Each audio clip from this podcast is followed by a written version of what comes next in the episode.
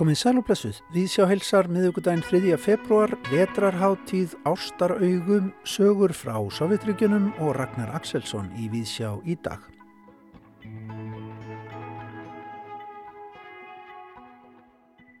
Vetrarháttíð í Reykjavík verður haldinn um helgina, hefst á morgun, en háttíðin verður vitarlega með nokkuð öðru sniði en venjulega, engin sapnanótt haldinn og engin sérstökdagskrá í sundlögum eins og ofta áður en margt að sjá enga síður og ekki sístundir berum himni. Við hugum í dag að ljósaslóð leið frá Östurvelli og upp á skólaverðholt og heyrum í nokkrum þeim sem er að verka á vetrarháttíð, bendum annars á vefsíðuna vetrarháttíð.is. Á lögardaginn var opnuð í listasefni Reykjavíkur Hafnarhúsi síningin þar sem heimurinn bráðnar en þar sínir Ragnar Axelsson tilkomu miklar ljósmyndir frá Norðurslóðun, Grænlandi og Íslandi. Uppistæðan í síningunni er úr nýjustu bók Ragnars hetjum Norðurslóða en eh, þarna eru líka nýjar jöklamyndir sem hafa hverki byrst áður. Sýningastjóri er Einar Geir Ingvarsson en eh, þeir Ragnar hafa starfað saman vel og lengi. Og já, Ragnar er að sína okkur heim sem er að bráðna, heim sem er að hverfa. Við röldum með Ragnari um þessa glæsilegu síningu hér rétt á eftir. Árið 1785 barst Mary Ann Fitzherbert bref frá ástjókum aðdánda sínum í Englandi. Georgi fjórða prinsinum af Wales.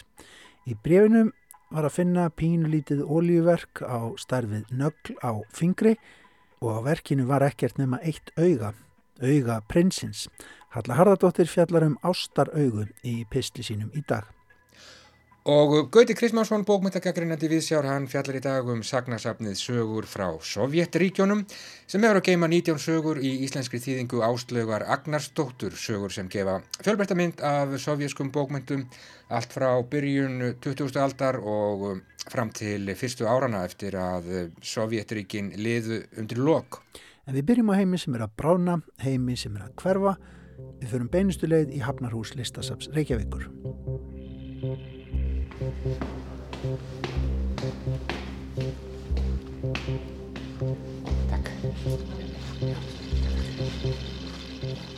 Já, góðan daginn. Það séu gott. Góður. Jæja, hérna er öll dýrðinu maður. Jésús. Já, hérna er hann, Einar Geir komin, hann hafði allt. Einar Geir Ingvarsson, síningarstjóri. Já. Hvað ertu með marga myndir hérna? 90 myndir eða? 80. 80. Já. Til hann ekki með það. Takk fyrir það. Þú ert á norðurslóðum en Mm, já, já. Það, hefur ekki alltaf hérna þessum jú, við kannski bara byrja hérna að taka ringið eins og hann er. taka inn áhrifin.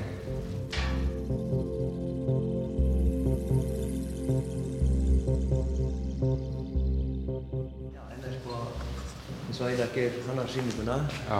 og svona í bókinn líka þá, þá hérna kemur inn í þennan æfintir heim, þessi fjöll, þetta er eitthvað fallegustu fjöll í heiminum held ég, því að flugmaðurinn sem flögum með þyrluflugmaður á Grænlandi, hann býr í Austuríki og flýgur mikið um Alpan og hann, þetta er uppáhalds fjöllunars. Já. Þetta er miklu fallera. Þetta er miklu fattar. Þetta er Grænland. Þetta er Grænland. Sólun að koma upp og þetta er svona þessi ævintýra veröld sem er sko við erum að fara inn í hérna í veggjum, á veggjum. Ótrúlega fallegt. Og svo kemur við í þorpin og þetta er lítið þorp, tinnit og hundurinn tekur á móti manni, geltandi og hérna hver framtíð þessara þorpa verður, það er eins og þessa lilla þorp, það eru 120 manns eftir, þannig að svolítið afskekt og, og ráðinn. Ísinn hefur, hérna fórum við um á hundaslega fyrir 20 árum, nú bara seglum frá bát og jakarnir bara fljóta fram og tilbaka eftir. Allt að hverfa. Já, svona breyst, það Já, breyst svolítið. það er svona, Svo nú dekkraði yfir þessum myndum hérna. já, þetta er svona lífið í þorpunum og svona, Mhm. og svona ógninn, svona pínu lítið, þeir svona dökk og þeir eru svona býðið til storminum sem skellur svo á Pítarak, jökulstormi eða síður sá sem ræðist á þig. Nákvæmlega. Og hundar, þú ert hrein á hundum. Jú, þeir náttúrulega glemdu svolítið sem hetjur, uh, hetjurnar sem, sem við tókum ekki eftir. Hundur er bara hundur en, en hann, Hundur er hetjus. þeir eru hetjur. Það var svona, svona, svona mannlegir sem eru og bara nokkrir hundar sem maður hefur sögur að vera bara yfirbara, svona, verðist vera yfirbara greindir hundar og þeir tókuðu heim og augustundu þegar allt var þrótti þá tók hunduðu heim sko. og án hans hefur þeir ekki værið þeir ekki til Nei, magnað, magnað mm. Trapped in the glacier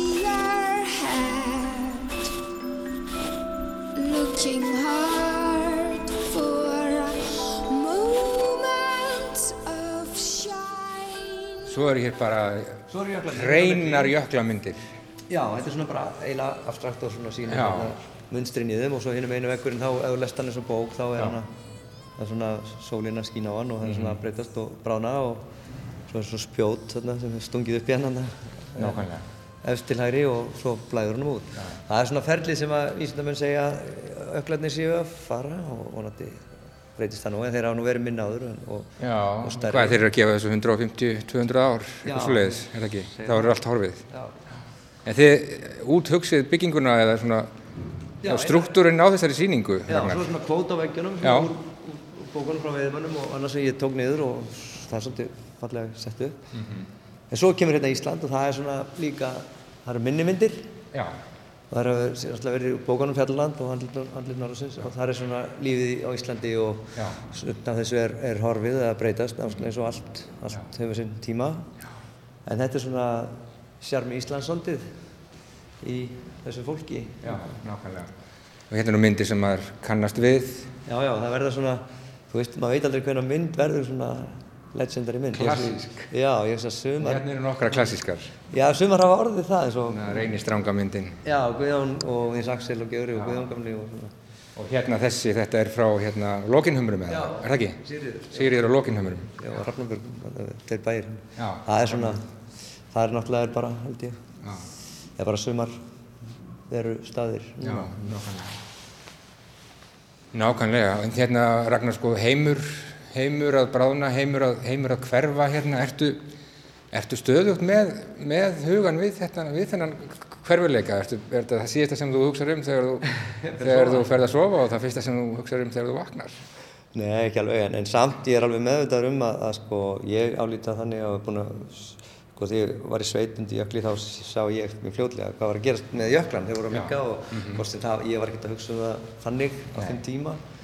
Þannig að ég svona hugsaði fram í tíman, bara 50 ár, 100 ár, hvernig verður þetta og aðeins sker ég í dag og ég held þegar þetta COVID er búið þá verður þetta svona alltaf stæðsta mál á jörðinni Já, og mun ákomna tíð og það er mjög mikilvægt að dokumentera það í. Það er eiginlega bara alveg Já. skilda okkur að, að gera það. Þetta er, þú ert, þú ert skrásetjari. Já, og ég hugsa þetta svolítið svona, uh, þú tekur bara gamlu meistarana í málarlist, þeir voru að mála sinn samtíma, það var ekki til myndavél og það er okkar hlutur svolítið, nú höfum við myndavél og, og þetta er svolítið fyrir framtíðin að eiga og sjá hvernig sem hlutir var og það er náttúrulega eins og Grænlandi og í þessu hundunum að þeim hefur fækkað úr 30.000 í 10.000 á 10 árum eða 11.000 og þeirra svona hlutverk hefur og, og vægi hefur minkað vegna þess að vélslegin hefur tekið yfir og sem ferðamáti frekar hundaslegin en, en, en svona það er ennþá þessi hefð að ef þú ferð á veiðar þá verður þú að fara á hundaslega því að þú kemst svo hratt yfir á vélslega ef það bilar eitthvað þá, þá er óðin vísa að komast til, ekki tilbaka sko, en hundarnir taka því heim Ertu enn að fara til, til Grænland, Ragnar? Já, já, ég er, nú erum við að fara, ég er að fara mikið til Grænland svo aftur að fara nokkra ferðir að því við erum að gera um öll heimskutulöndin og ég er búinn að vera að safna í það, Sýberíu og, og, og aftur að fara á Alaska og annað og aftur Norðurpólinn og annað til að sína þær svona lífið breytast þar. Já, að það er framöndan. Já, já, það er svona vonandi, það er eftir að gera það. Já, nákvæmlega. Og hérna erum við komin, við erum ennþá á Grænlandi hér. Já, við erum á Grænlandi hérna alveg í gegn og inn í þetta svona, inn í svarta, förum inn í svona myrkva herbyggi og hérna erum við í Túle, nýstu byggðum heims og, og þar er svona, að vísu er þetta, nú ekki mikið að hugsa um hitabreytinga eða á, á fyrtnum því að þarna var mínus 49 gráður alveg þetta Já, Kulda. nákvæmlega. Þetta er á kaldasta tíma ásins þarna í Túle, svo, svo hlýnaði mjög hratt svona þegar voruði þá fóru hundarnir bara í svona En það er ekki hægt að venjast svona kulda. Nei, það er ekki hægt. Ja, maður verður að klæða hann af sér og passa sig verulega, sko. Já. Ísbjörn. Já, það er, eru alltaf flottir, konungur hafísins. Nákvæmlega. Svo göngum við hérna inn í svona óreiðu herbyggi og... Já, gungum hérna inn í aðeins dimmara rými. Já, og þetta er svona hugsað eins og þegar þú kemur inn í þetta dimmara rými að þetta di- dimma herbyggi að þú, þetta er svona eins og gluggi út í heim, svona veröld sem er okkur svolítið framandi og ef mann stans, stans, eða stoppa við og hugsa eins um ég er ekki að, ég er ekki að predika neitt, þú veist, en ef maður bara lega fólki sjá og hugsa sjálft hvað, Já, hvernig þetta lífi er og, og hérna eru myndir eins og þið sýnir hérna ferðalögin í kuldanum, Já, hundasleðan, þannig er sama á áðan, mínus 49 gráður og stormur. Og þannig að maður að berjast heim og maður er að gelur á höndum, fótum og andliti svolítið ef maður passa sig ekki og þannig að það tekur á að myndi í þessu. En Þetta er svo er hérna tignarlegt. reyfmynd, sem sleði hann á reyfð já, og hérna hundur sem rennur saman í landslæginu en hann svona er hreyfður og þetta er svona hugsun svolítið að einar að sína hvernig hann er svona sé að guða upp eins og einmitt. hafísinn. nákvæmlega. Down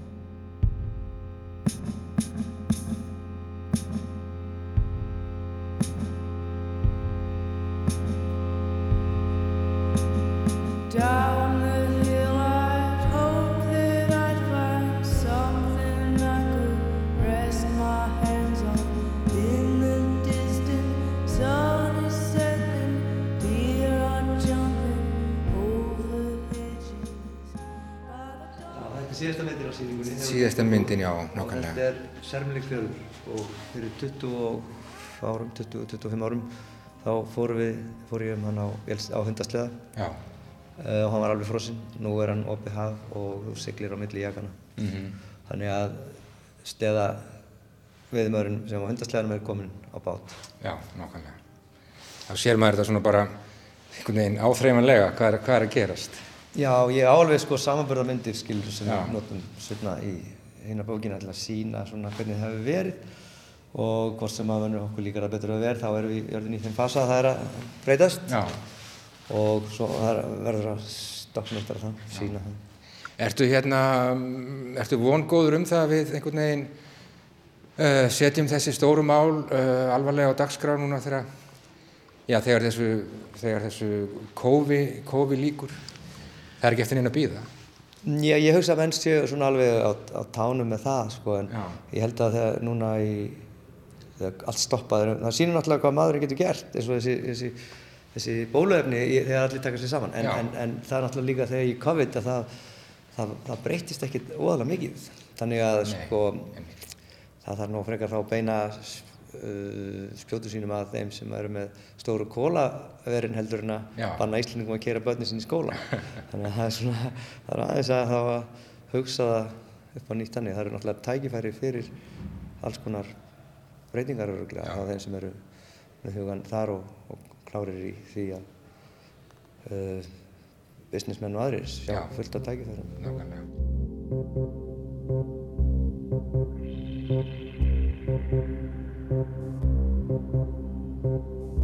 Uh, hvað er framöndan hjá þér Ragnar? Jú, Grænland segiru. Já, það er bara núna, já, næst er líklega vonandi Sýberia og Rússland e- eitthvað og Norðurpólinn, sigla, ég, ætlaði að sigla á hann í, í fyrra, Já. en COVID stoppaði það, þannig að þá að fara í júli ágúst, þá sér maður, þá er það svona viðpunkturinn í næstu bók, en ég er búinn að mynda alltaf mikið í öllum Já. löndunum, vantar svona pínu í stíl við þetta Já. og það verður svona kannski fjölbreyttara. Bók í smíðum.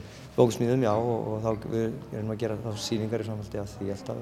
Þetta kostar náttúrulega helling en, en þetta er skemmtilegt en þetta er náttúrulega partur af því að, að hérna, það er alltaf að auka svona skilningurinn á því og svona smá fyrir ljósmyndinni að sem rödd. Já. Alvöru rödd. Já, það hefur ekki verið Ekki alltaf. ekki alltaf og. Og svona menn hafa verið veltaði fyrir sig, er þetta alvöru, er þetta ekki alvöru ljósmynd en það er svona komin og, og það er búið að byggja okkur um sýningar út um allan heim. Já, nákvæmlega. það er náttúrulega, þetta skila sér alveg Já. þannig. Og þú ert hættur á mokka? Já, það fór eiginlega ekki saman lengur vegna, vegna það var uh, það var mikið at í svona Já. hlutum sem ég svona stal frá því sem mér fannst skipta máli að gera því að uh, þá Keith Richards verði hér í- í- um aldir þá kannski vist að ég verði það en, en hérna þannig að það er svona tíminn sem að maður þarf að nýta tíman vel Já. og þetta er að gerast núna alls konar breytingar eru að gerast mjög hrætt eins og Nennet í Sýberju ég er búinn að fara það með þeim og bara eins og ungu krakkarnir það er að fara í skóla og það er ekkert víst að þau vilji vera endilega á, í tjöldum þetta er svo að vera elda reyndir upp á esjunni allt árið sko Nákvæmlega. þannig að það er svona mikið að breytast þar líka Já. Heldur betur glæsileg sýning Ragnar og bara aftur hjartanlega til hamingju með, með hana. Hvernig, hvernig verður dagurinn þér? Hann verður bara svona við erum að gera svona sögur og ég er að gera mynda þætti og annað þannig að ég er bara inn í því og mjög gaman og, og svo bara kem ég hérna ef ég beður um að koma. Nákvæmlega. Takk fyrir mig, kærlega Ragnar Axelsson og bara, já, áfram veginn, takk. Takk fyrir mig, kærlega. Mikið er þetta flott maður. Ó. Down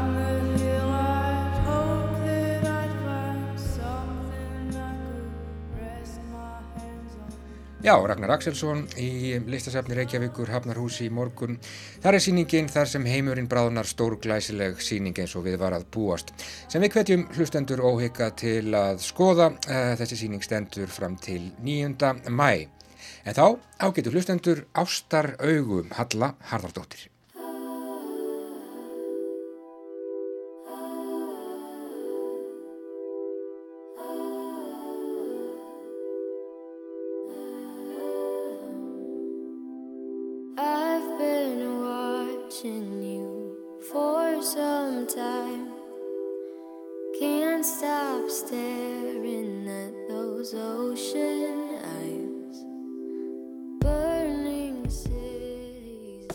Árið 1785 bast Marie Ann Fitzherbert bréf til Fraklands frá aðdáðanda sínum í Englandi, Georg Fjórða, prinsinum af Wales.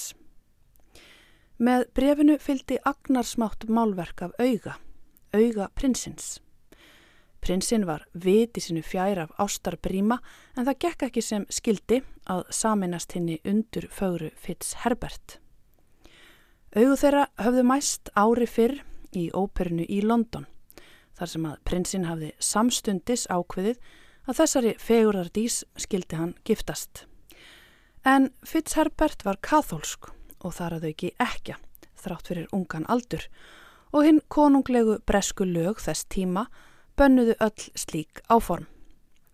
Það eina sem að unga ekjan gatt gert í stöðinni til að halda heiðri sínum áfram og prinsinum frá sér var að flýja land. En ungi prinsinn vildi ekki gefast upp.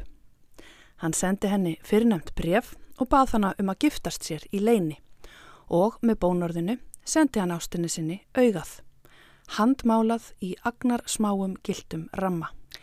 Augað eitt og sér horfi á Fitzherbert. Eitt á litlum strektum strega á nokkurar tengingar við restina af líkama prinsins.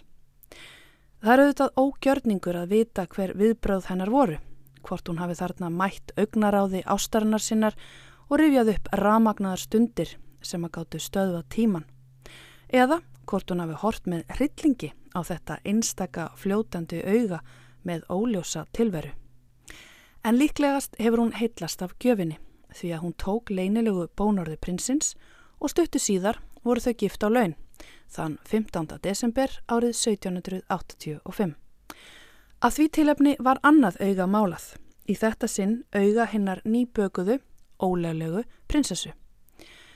Auga hennar fekk sama stað í gildu nisti sem að prinsinn bar á sér öllum stundum, svo hann geti horst í augu við ástina sína, sem átti ekki sjást neinstadar með honum opimberlega.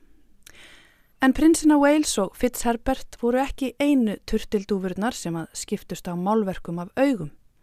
Því míniportrett af augnaráðum eða ástaraugu voru feiki vinsæl meðal heldri breyta undir lok átjándualdar. Ástaraugu eru áhugavert fyrirbæri í listasögunni því að þau þekkjast ekki mikið víðar á nettinum, svo að vita sé og vinsældir þeirra fóru mjög hátt en stóðu mjög stutt.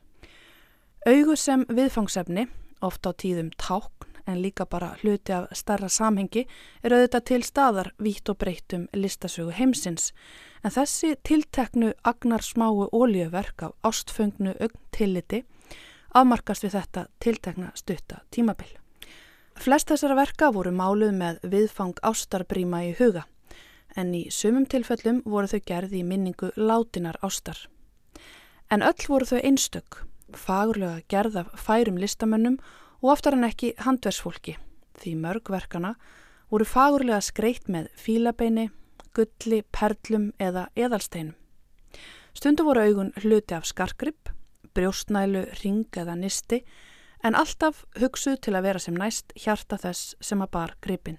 Ástaraugun eru blanda af málverki og skarkripp, heitlandi og fögur og svo staðrind að réttum þúsund slík eru varveitt í dag hjúpa þau enn meiri ljóma en ella. Og það verður raun ekki fyrir í byrjun þessarar aldar sem að fari var að skoða þau, skrásetja og rannsaka tilgang þeirra og uppruna. Fyrir utan okkur enga söfn eru flest verkana varveitt á listasafni Philadelphia og á Victoria og Albert safninu í London. En hvað gerir það að verkum að ástaraugun urðu svona vinsel á jafn skömmum tíma og raun ber vitni? Og af hverju lifði vinsaldir þeirra í skamman tíma og af hverju bara eitt auga? Hollenski listfræðingurinn Hanneke Grotenbauer sem hefur sérhaft sér í portréttum og hinnu listfræðilega augna tilliti hefur ansakað ástaraugun og menninguna sem að umlikur þau. Áður en að augun komist í tísku var vinsalt að gefa lítið sjálfsportrétt svo þykjandi geti handfjallað myndina, kist hana, þrýst henni upp að hjartanu og séðana öllum stundum. Grótenbauer segir augun eiga margt sameigilegt með efnismenningu borgarastjættar átjóndualdar í Brellandi, þar sem að rík áhersla var lögð á að gefa hluta af sér, ekki bara með mynd, heldur með áþreifanlegum hlut, eins og til að mynda horlokk. Í tilfelli augnana er verið að gefa tillitið.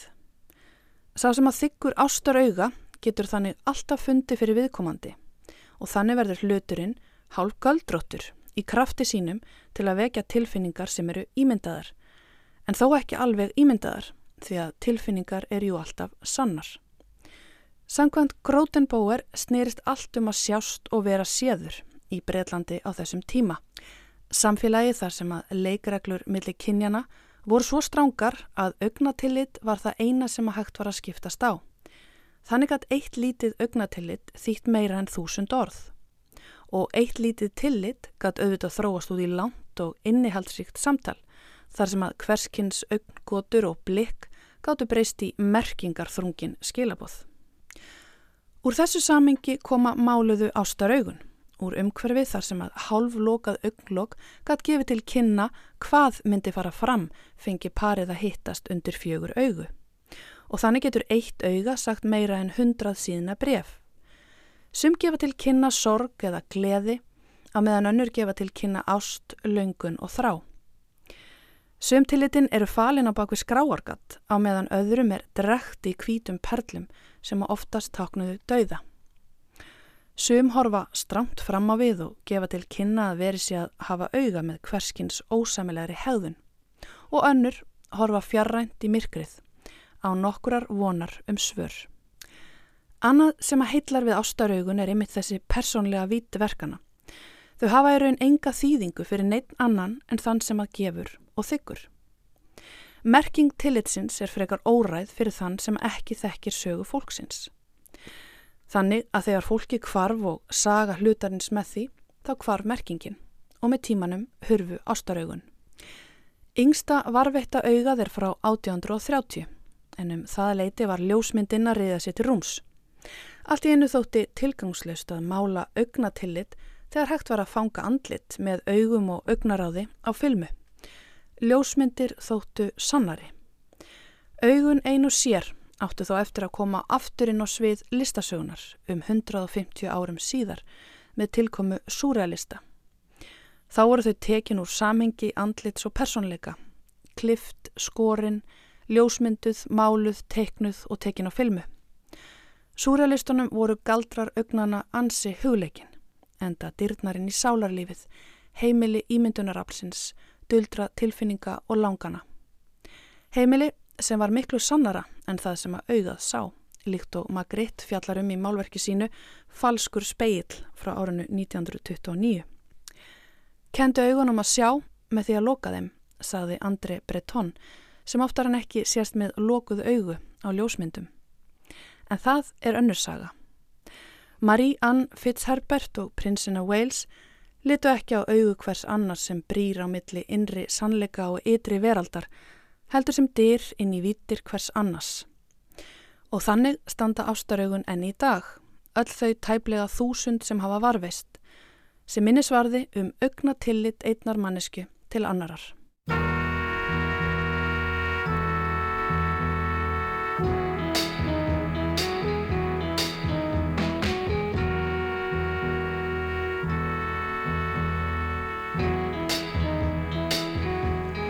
You're just too good to be true. Can't take my eyes off you. You'd be like heaven to touch. I wanna hold you so much. At long last, love has arrived, and I thank God I'm alive. You're just too good to be true. Can't take my eyes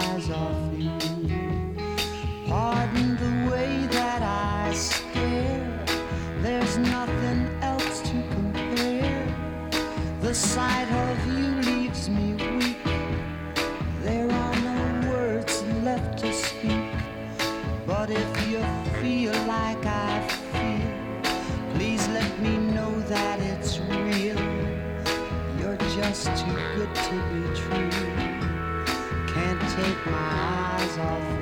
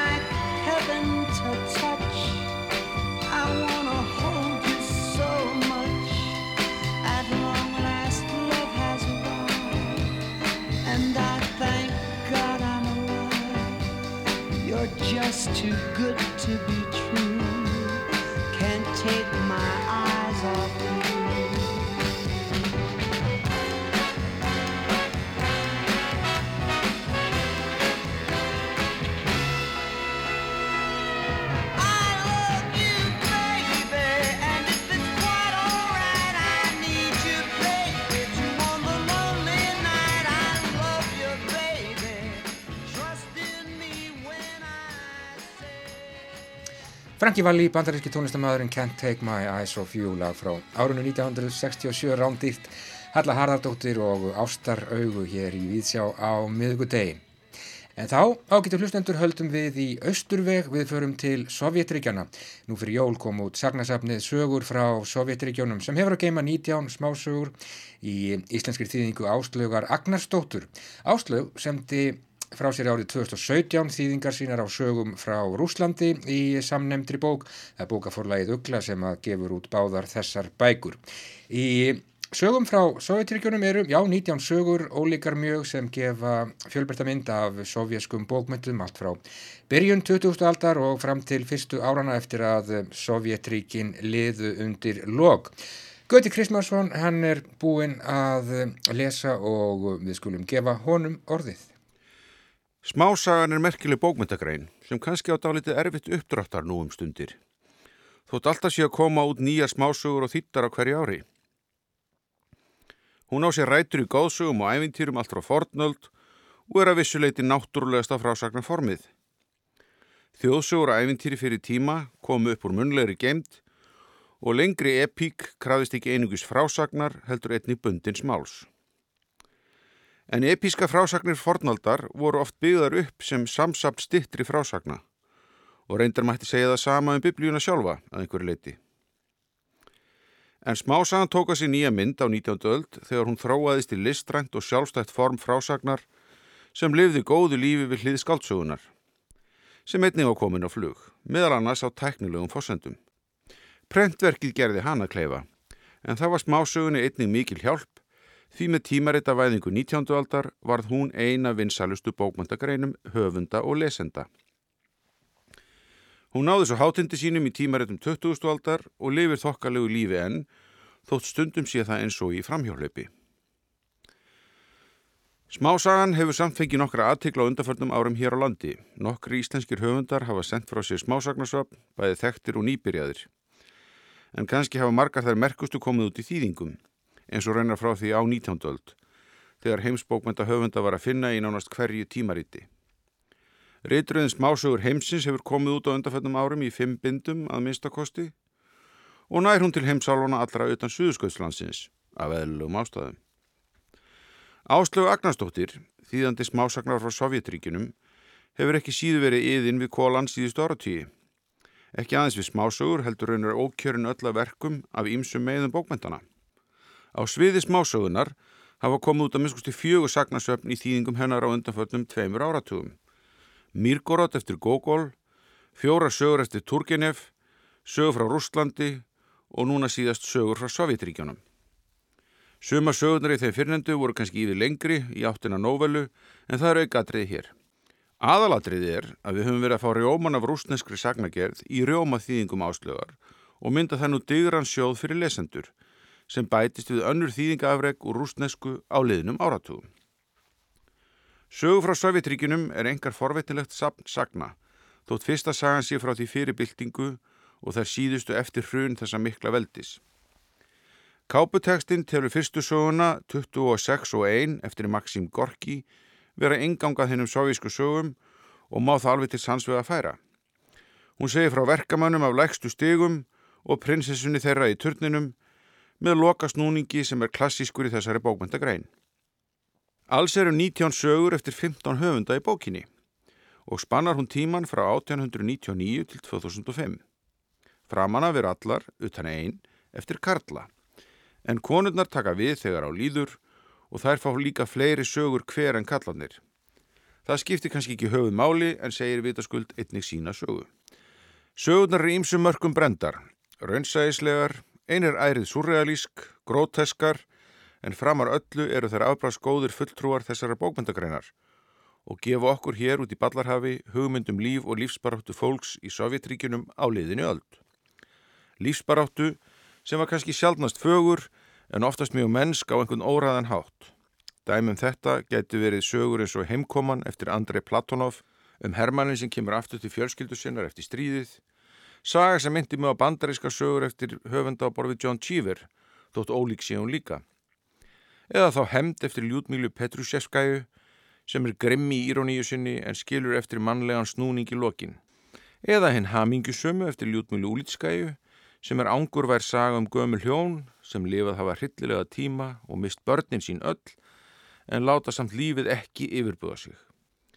Ekki má gleyma sögunum Sýberíuvist, smiðir eftir Varlam Sjalamov sem í anda Nobelskáldsins sovjerska Alexander Solzhenitsins skrifar örstuttan óð líka hjátt á Hemingway um viljan til að lifa af við hræðilustu aðstæður sem hægt er að hugsa sér. Solzhenitsin sjálfur er með sögu í bókinni. Mikið var að leitt heitur hún og er hún ekki beinlýsum fangabúða vist. Heldur sínur hann okkur fyrst einstakling, fulltrúa valdsins, sem lætur hjá líða að beita því þegar hann rekst á unga konu sem orðið hefur einhverju smámunir á. En snúningur í sögunni fer með okkur síðan til gúlagsins með snjöllum hætti. En það segir í lokin hún hafi verið samin 1956 en ekki byrt fyrir 1978 þegar höfundurinn var orðin útlagur frá Sovjetríkunum. Þótt smásagnarformið sér stundum talið raunsætt í eðli sínu er það auðvitað ekki rétt, eins og nokkra sögur í safninu sína.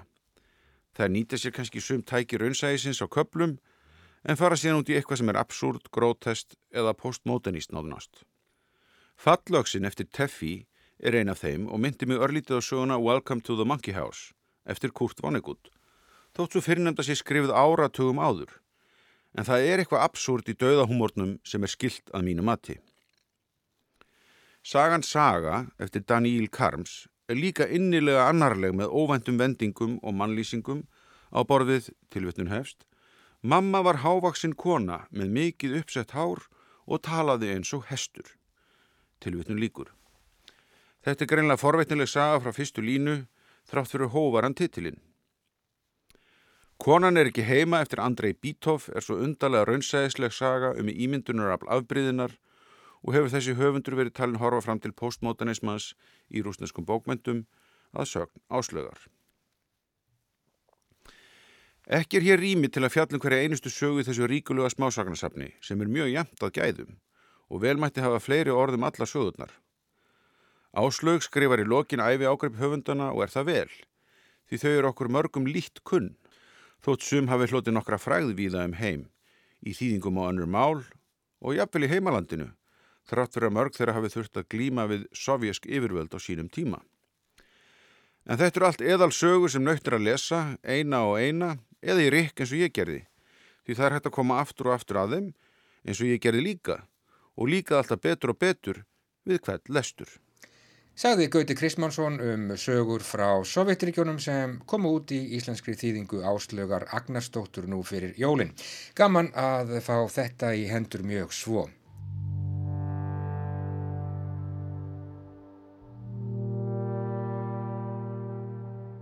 Februar, þessi dúlulegi mánuður sem að líka getur verið svo harður af sér, er hafinn. Mánuðurinn sem er svo sætur í sér að vera örstuttur um þetta leiti árs. Maður er alltaf hissaði hver miklu munar um þessa 2-3 daga sem vantar upp á. Sólinn hækkar á lofti, svo dásanlega staðreind kallar á vetrarháttíð í Reykjavík sem að tegir sér líka í nákvæmna sveitafjölögin eins og venjulega. Vegna sóttvarnaráðstafana verður háttíðin með breytu sniði í árauðuta. Sapnanótt sem að yfirleitt er eins konar hjartaháttíðarinnar er nú frestað og gert ráð fyrir að hún verði haldin í mæ ef veiran lofar. Sundluganóttin, dagskrá í sundlugum borgarinnar verður líka slegin af. En það er margt að sjá samt á vetrarháttíð, einhverjum undir berum himni og bara gott að klæða sig vel fyrir alltið. Við í Vísjá könnum eitthvað lítið brot af því sem verður á dagskrá vetrarháttíðar en bendum hlustendum annars á vefsíðuna vetrarháttíð.is. Nú er skiljanlega lögð áhersla á list í almannarými, útilistaverk, menningarmerkingar og ljósa listaverk í borginni og svo kvöldu ljósa slóð vetrarháttíðar verður í leiki hlutverki en það er gönguleið frá Hallgrímskirkju niður skólavörðustíg og niður á Östuvöll sem að vörðuð er með ljósa verkum, mismiklum og stórum auðvita. Verkin munu lýsa upp miðbæinn frá 19 til 22 alla daga vetrarháttíðar sem að stendur frá morgundeginum og fram á sunnudag. Á ljósaslóð verður þannig hægt að njóta listaverka utan dýra á raða hvers og eins. Við ringdum í nokkra aðilað sem að ætla að vera á ljósaslóð með verk sín á vetrarháttíð. Á skólaverðustíg 1 verður verkið Samhigð sem að tengi saman Reykjavík og Seyðisfjörð þar sem lífið hefur fæst úr skorðum fyrir markað undanförnu.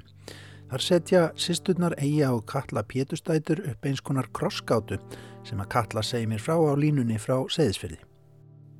Samhegð er listaverk sem byggir á tilfinningum og upplifunum og, og sorg seðflinga en samt líka gleði. Þetta eru orð sem að ég og sýstu mín setnum saman uh, eftir skriðuföllum og seðisfjörði og ég býð á seðisfjörði og hún býr í Reykjavík og ég, ég þurft að styrka henni að halda og við höfum alltaf tjá okkur gegnum list, einhvers konar listsköpun.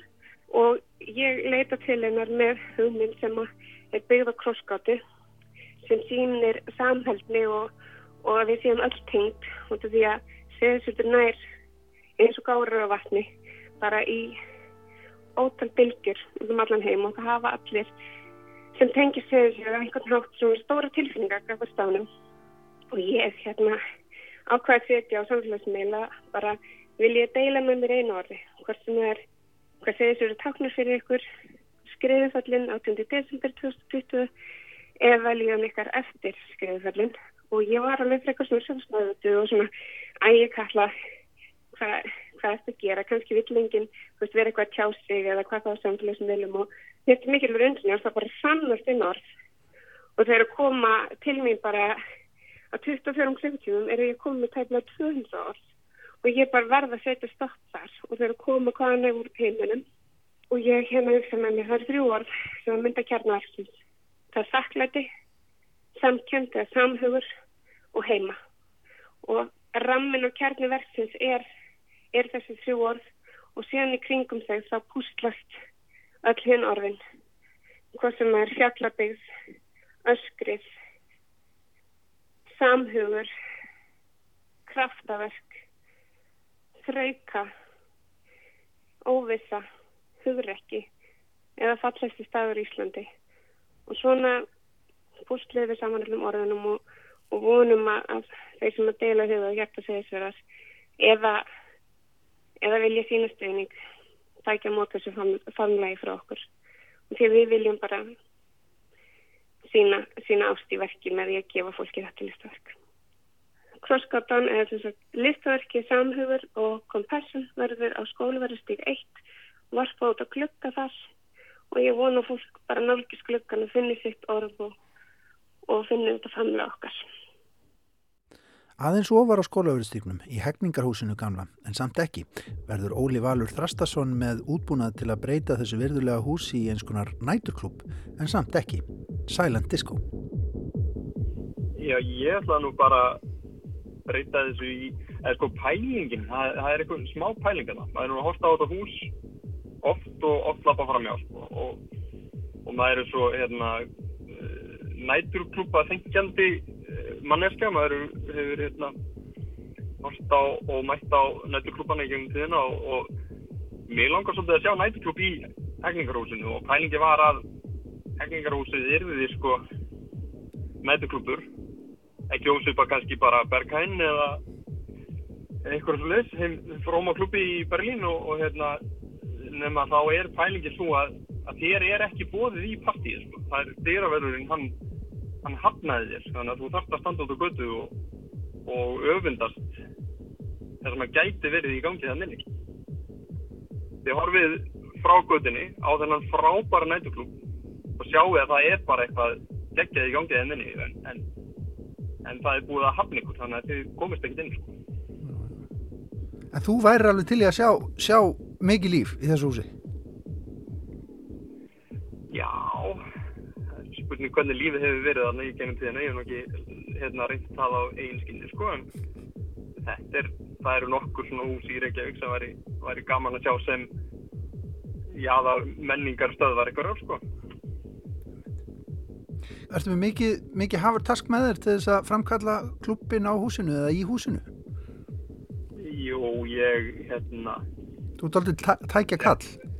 já, já, ég er mikil tækjakall og náttúrulega setti fram þarna einhverjar kröfur náttúrulega bara um að fá, fá ákveðin búna sem, að, sem ég fæ í hendunar og svo bara eh, er það að, lóta inn í kvöld og forrita eitthvað og sjá hvort það verði ekki eitthvað frábært bara sem að kemur út af því sko.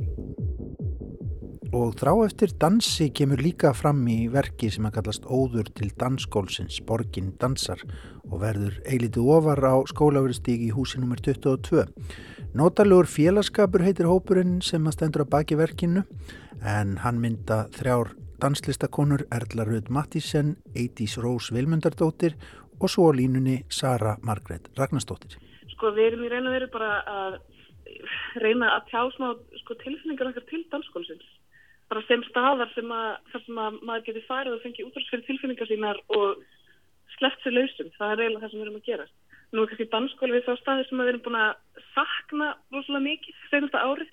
Þetta er svona hugmynd sem að kviknaði kviknaði í svona mars-april 2020 en hérna og það voru við allar við, við, við þrjá saman að bara tala saman og við vorum svo ótrúlega með svo mikið trega því að geta ekki farið á dansskóli og við vorum eitthvað svo mikið að ræða um þennan stað sem bara sem já, þennan greiðastað. Og það er neila svona kviknaði hugmyndin að einblina svolítið af einstaklingin á dansskólinni og að reyna þess að bara svona afhjúpa og nálgast hvað það er sem gerist þegar þú ert á dansskólinni og þú ert bara með tónlistinni og þú veginn þegar þú ert bara að sleppa sleppa þínum tilfinningum lausum á dansskólinni þannig að þetta er svona, þetta eru videoportrættir af dansurum og það sem áhörfundin fara að sjá er í rauninni bara dansarinn í kvíturými og dansarinn heyrir ekki tónlistina dansarinn, hérna, áhörfundin heyrir ekki tónlistina seg um, áhörfundin sér bara tilfinningar dansarnas sem,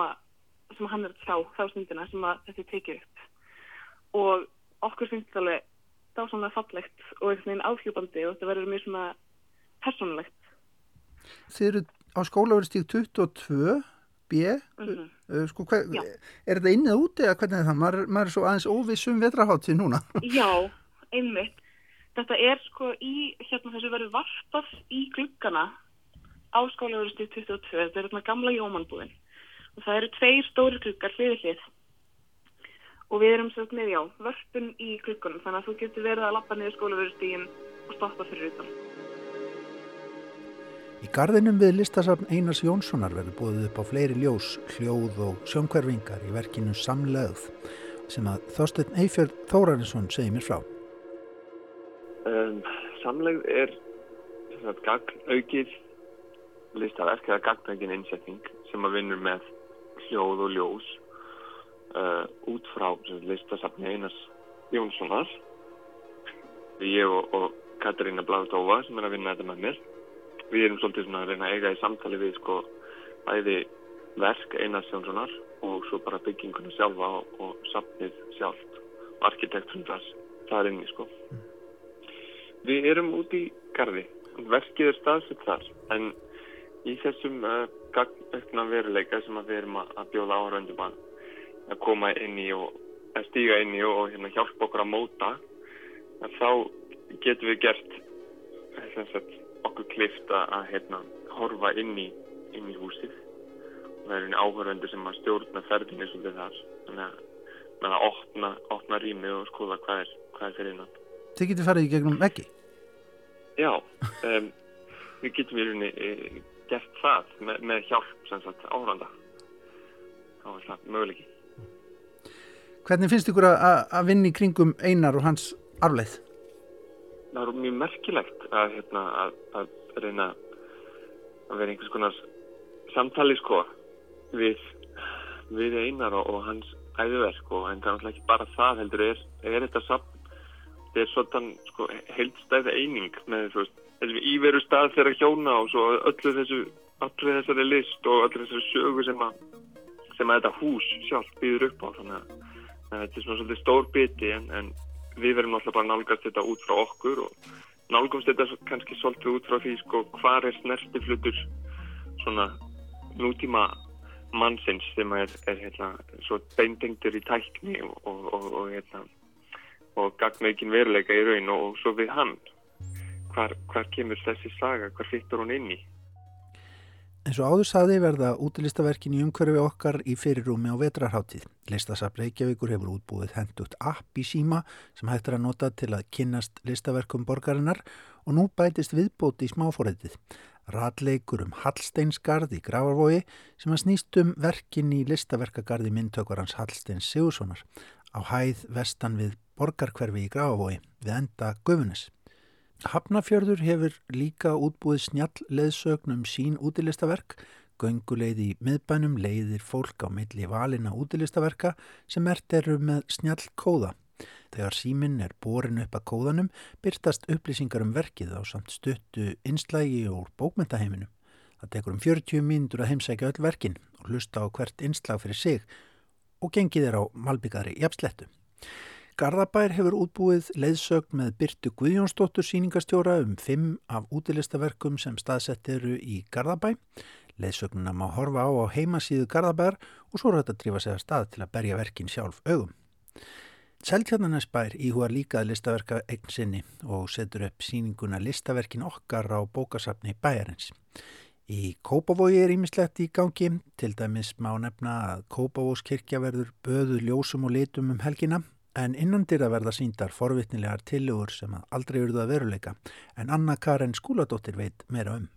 Já, við erum sem sagt að opna síningu á tillögum Gerðar Helgadóttur að alltarstöflu sem hún var beðin um að vinna 1971 og hún gerði fimm tillögur og kom með til Íslands. En e, það náðist ekki samkomlag um inntak alltarstöflunar þannig að hún vinnur að þessu í nokkur ár og 1974 beður hún um loka svar á því hvort hún gerir töfluna eða ekki og þá er það sem sagt ekki. En við erum að sína tillögurnar hennar að töflunni. En hvernig, ef ég spyr þig, sko, hvernig virka þessar tillögur á þig í dag, núna 2021? Mér finnst það frábærar sko og við erum, við viljum endilega að fólk fá að sjá þær og sjá hugmyndir gerðar og við skiljum ekki alveg af hverju þær fengu ekki að verða að veruleika. Af því að hún gerir náttúrulega gluggana í kirkuna og það var mikil eining um þá og Kópásbúar mjög ánæði með gluggan hennar. allir tíð og það voru kvannfélagskonur í Kópói sem söfnuði fyrir gluggum og bæjarstjórnin gaf einn glugga einn eða tvo og, og hjón úr Kópói gafu einn glugga líka. Þannig að okkur finnst að það hefði verið mjög viðhandi að hún fengi að gera líka töfluna. Og ég ger ráð fyrir að þetta séu hérna, tilugur sem að kom ekkit oft fyrir almenningssjónir. Nei, alls ekki. Það eru, það eru margir sem hafa aldrei séð þær. Og þetta er sem sagt mósæk tabla sem hún teiknar undir einn á glugganum. Í alltaf, þetta er svona stór mynd, allt öðru sé heldur en svo sem var svo, en hún kom ekki fyrir 20 árum setna, alltaf tablan sem er núna eftir steininni Þórunsdóttir. Svolítið áhugavert mál allt saman. Saði Anna Karin Skúladóttir. En hlustendu góðir vetrarháttíð er barma full af ljósum, tjáningu og hugmynda auðgi, drátt fyrir að hún sé kannski með eilítið öðru sniði núna en oft áður. Um að gera fara á stjásamt en fara varlega eins og alltaf og kynna sér dagskrána inn á vetrarháttíð.is.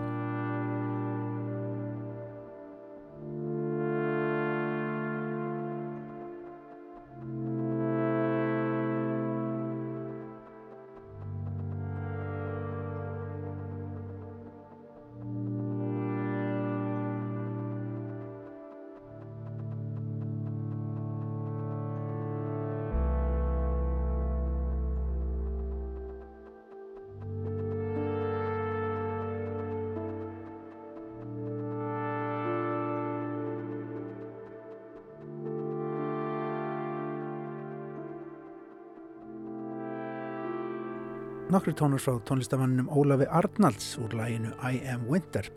Vetrarháttíð hefst á morgun og stendur fram á sunnudag og við mælum með að fólk skoði vefsíðuna vetrarháttíð.is.